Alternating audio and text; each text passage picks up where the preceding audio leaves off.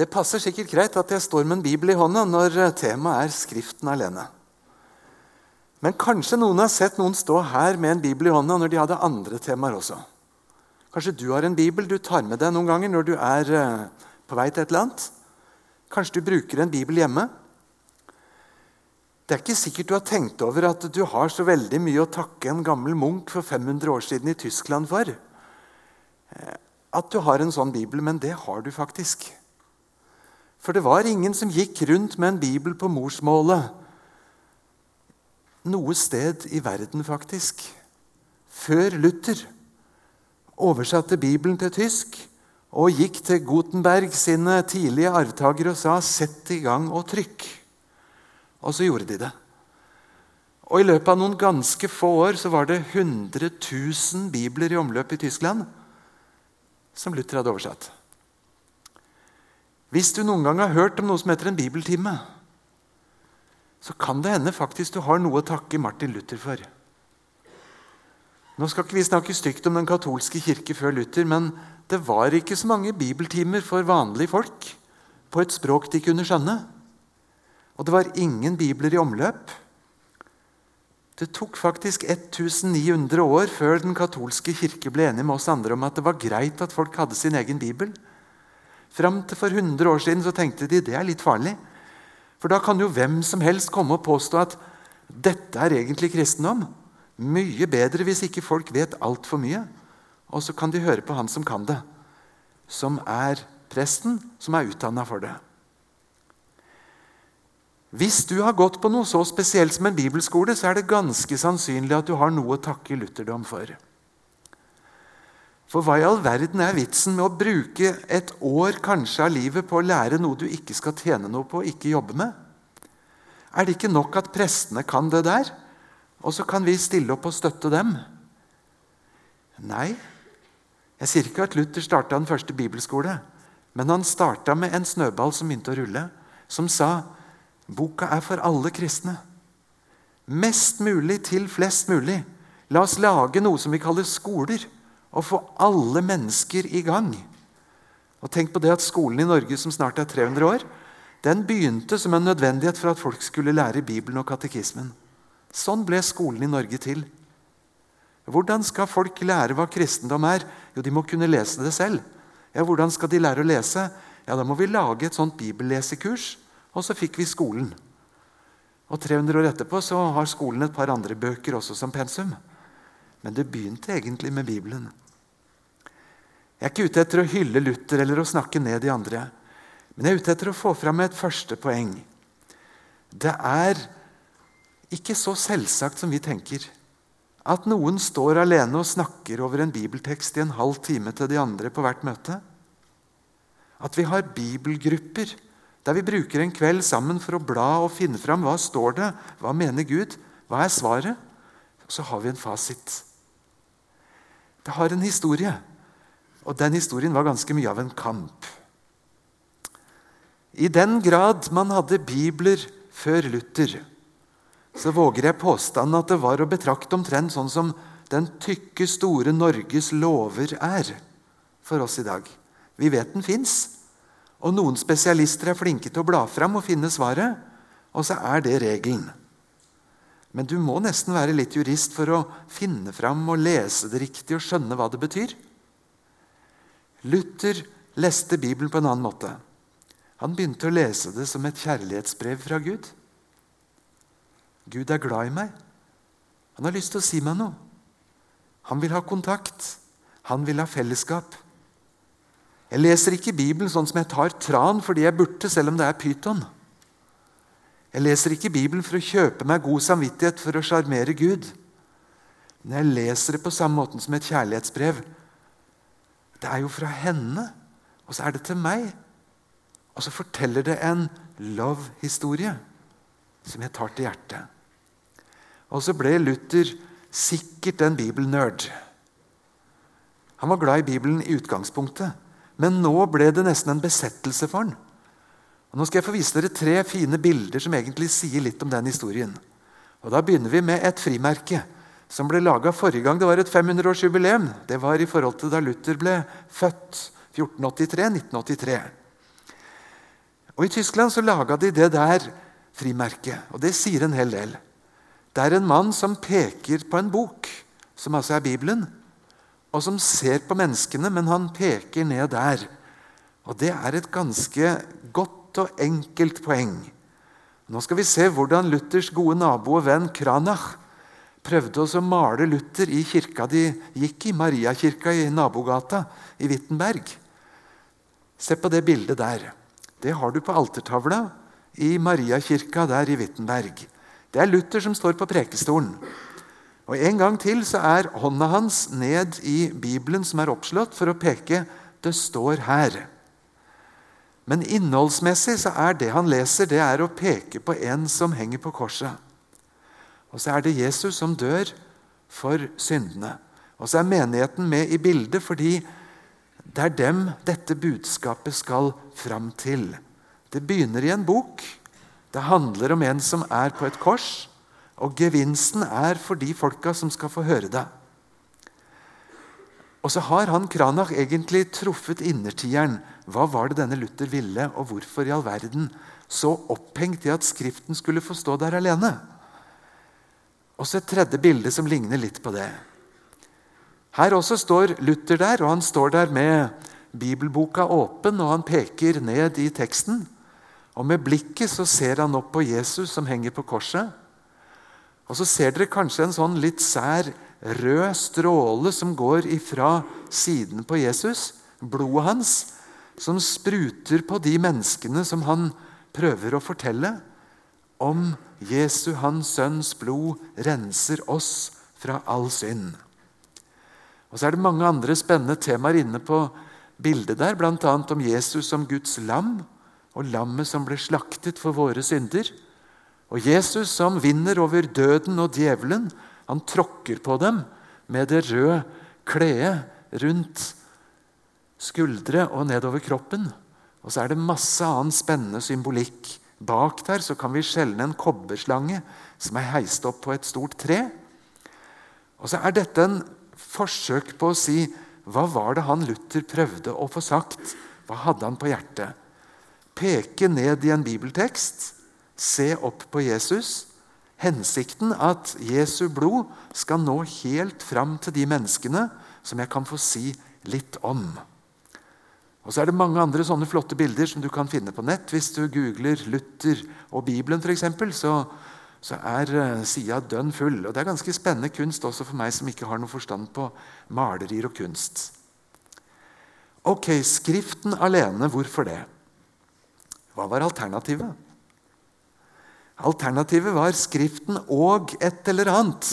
Og det et eller annet det blir litt for mye, mener Luther. Det må få lov til å stå alene. Jeg sa at Luther leste Bibelen som et kjærlighetsbrev. For å ta det litt mer enkelt på vårt språk. Det er en flott vandrehistorie på bedehusene som jeg har hørt fra jeg var liten gutt. og jeg hører den av og til fortsatt. Jeg tror gjerne det kan ha skjedd, men hør nå på selve poenget.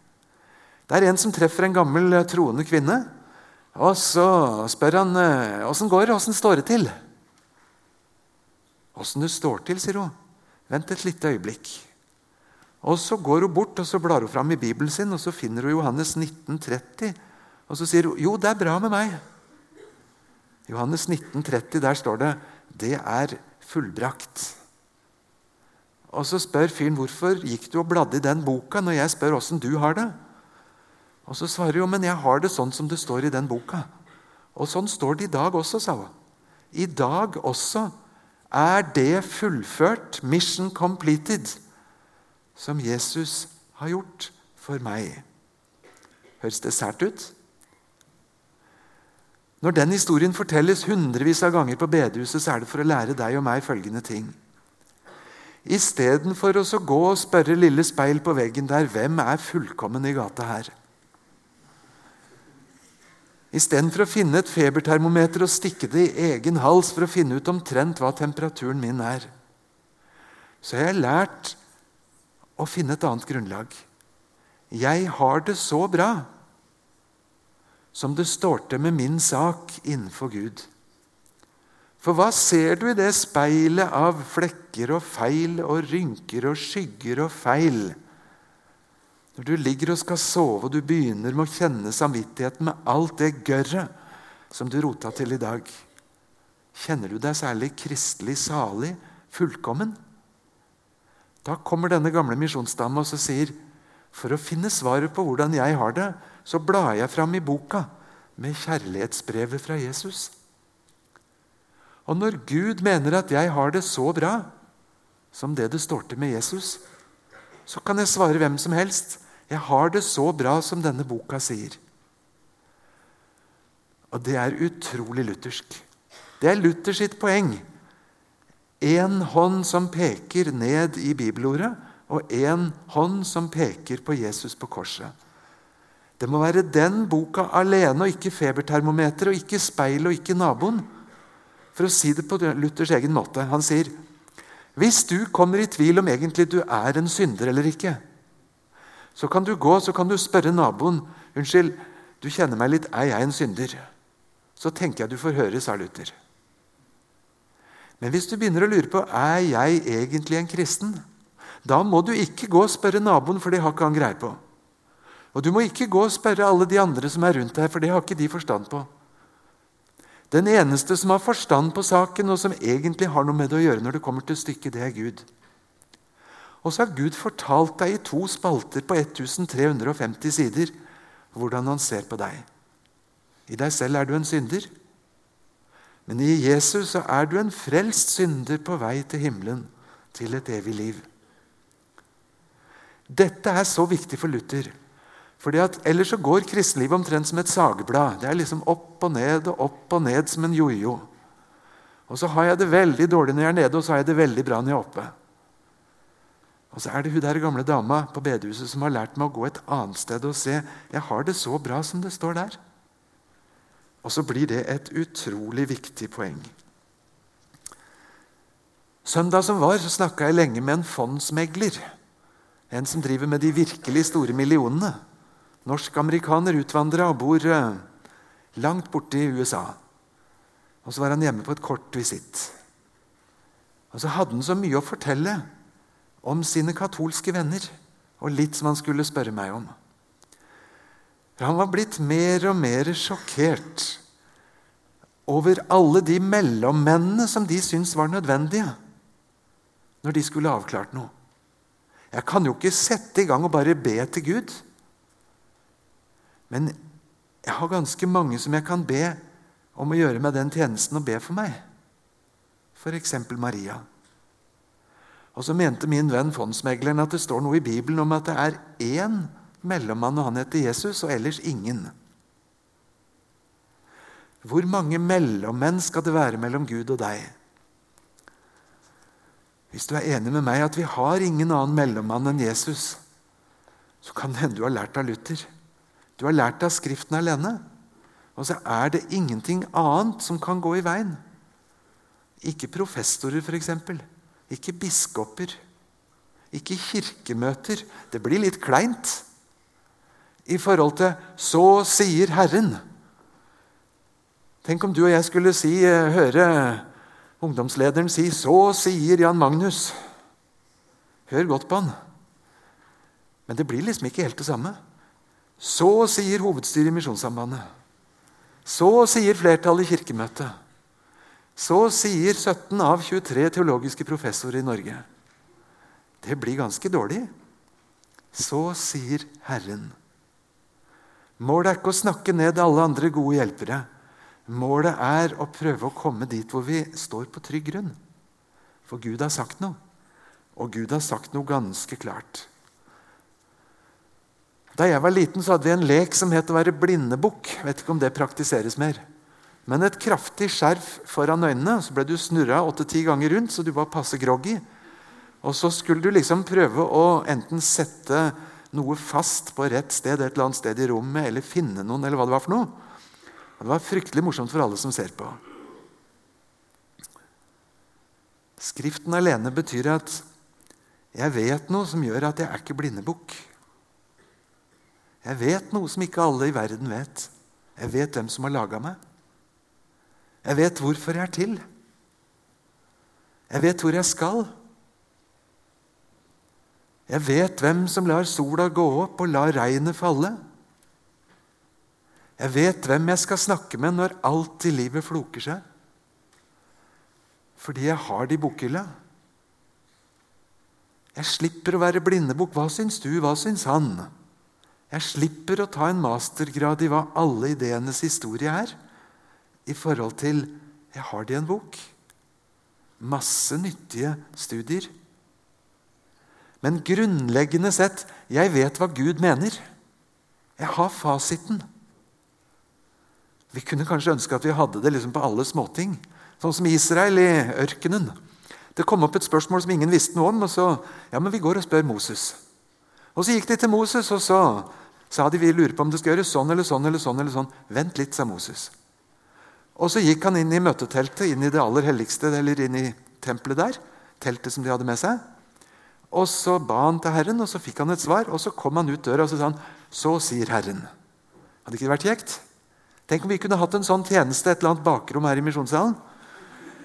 Og Så kommer vi med tvilen vår, og så snakker vi med Jan Magnus eller Jan Erik eller noen og, og legger fram. Vent litt. Og Så går de inn et eller annet rom, og så kommer de tilbake igjen og sier så sier Herren, du skal starte på sykepleien. Det hadde jo vært kjekt. Et stort valg. Vet du at Jeg misunner ikke Israel, som kunne gå og snakke med Moses. Jeg misunner ikke Maria og Martha som kunne sitte ved Jesu føtter. Jeg misunner ikke Emmaus-vandrerne som fikk den fantastiske bibeltimen den seine kvelden. Hvorfor ikke det? Jo, for jeg har manuset hans. Jeg har fullversjon. Jeg bør ikke misunne noen som fikk en audiens ti minutter eller en time, ikke engang tre år ut og inn med Jesus, for jeg har fullversjon. Jeg har den på mitt språk. Jeg kan bruke den. Og så bør jeg ikke være blindebukk. Og så er det ikke sikkert jeg får svar på de små tingene med sykepleie eller lærerskole. Men jeg får svar på de store tingene om hvor jeg skal tilbringe evigheten. Og hvordan jeg skal stelle meg innenfor Han som har skapt meg. Og så kan det hende han gir meg litt annen veiledning underveis. Sånn er det å få tro på en Gud som har gitt meg hele boka. Jeg vet hvem jeg tror på. Det er ganske freidig. Jeg kjenner en venn som er uh, offiser. En flott fyr. Som leser veldig mye om hva tenkere har gjort gjennom tidene. Og Så hørte han meg holde en andakt. Og så er han en vennlig fyr, men han sa for å være helt ærlig jeg reagerer veldig kraftig.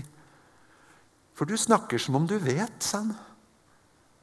Ja, sier jeg, jeg vet hvem jeg tror på. Jeg har ikke lyst til å gå rundt og være en skråsikker bedreviter som dunker en bibel i hodet på folk. Det er ikke det som er målet.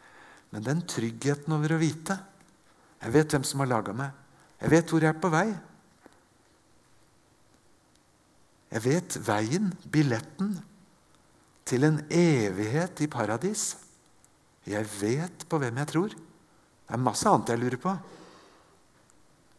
Men tenk å kunne vite det og slippe å være blindebukk. Nå skal vi slippe til en ganske kraftig protest. Og Den kommer fra ingen ringere enn Søren Kirkegård. En stor kristen filosof, teolog, har skrevet masse spennende litteratur. Han grubla masse over det vi snakka om nå, og så sa han følgende Kjære Luther. Du avskaffet paven og alle konsilene. Men det du gjorde, det var å sette publikum på tronen. Hører du anklagen? Publikum på tronen. Og Så skriver Søren Kjerkegaard en del om hva han mener.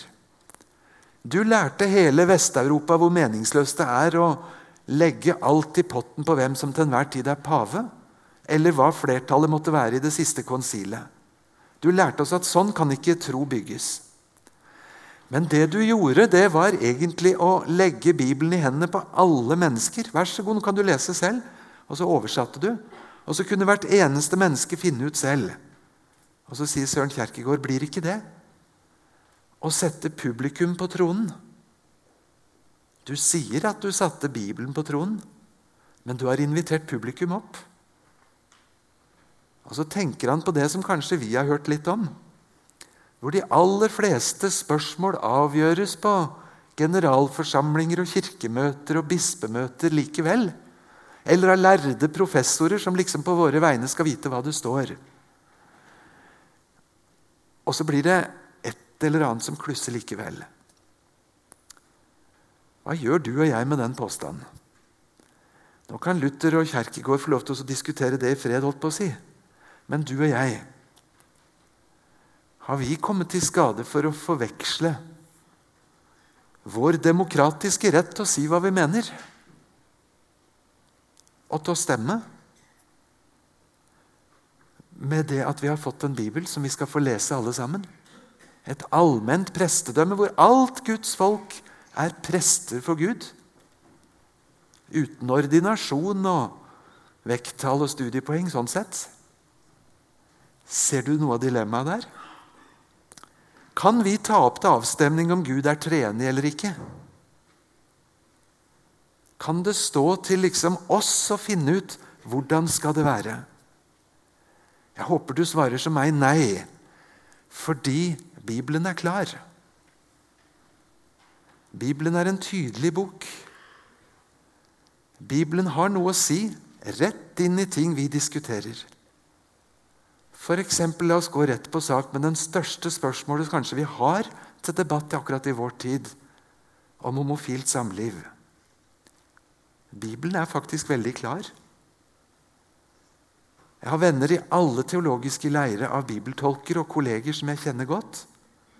Faktisk er det veldig fort å bli enige om hva Bibelen sier ja eller nei til homofilt samliv. Det er det faktisk veldig lite diskusjon om. Men så er det en kjempediskusjon om den boka skrevet for 1900 år siden skal få lov til å bestemme hva vi mener i dag. Problemet er ikke å vite om nei betyr nei. For det går an å lese sånn at alle eksperter er enige om at boka sier nei. Men det store spørsmålet kan vi la et sånt vedtak som står i en bok for lenge siden, bestemme for oss? Hører du hvor viktig dette blir? I et sånt spørsmål er ikke debatten 'Hva sier Bibelen?' Men debatten er en helt annen.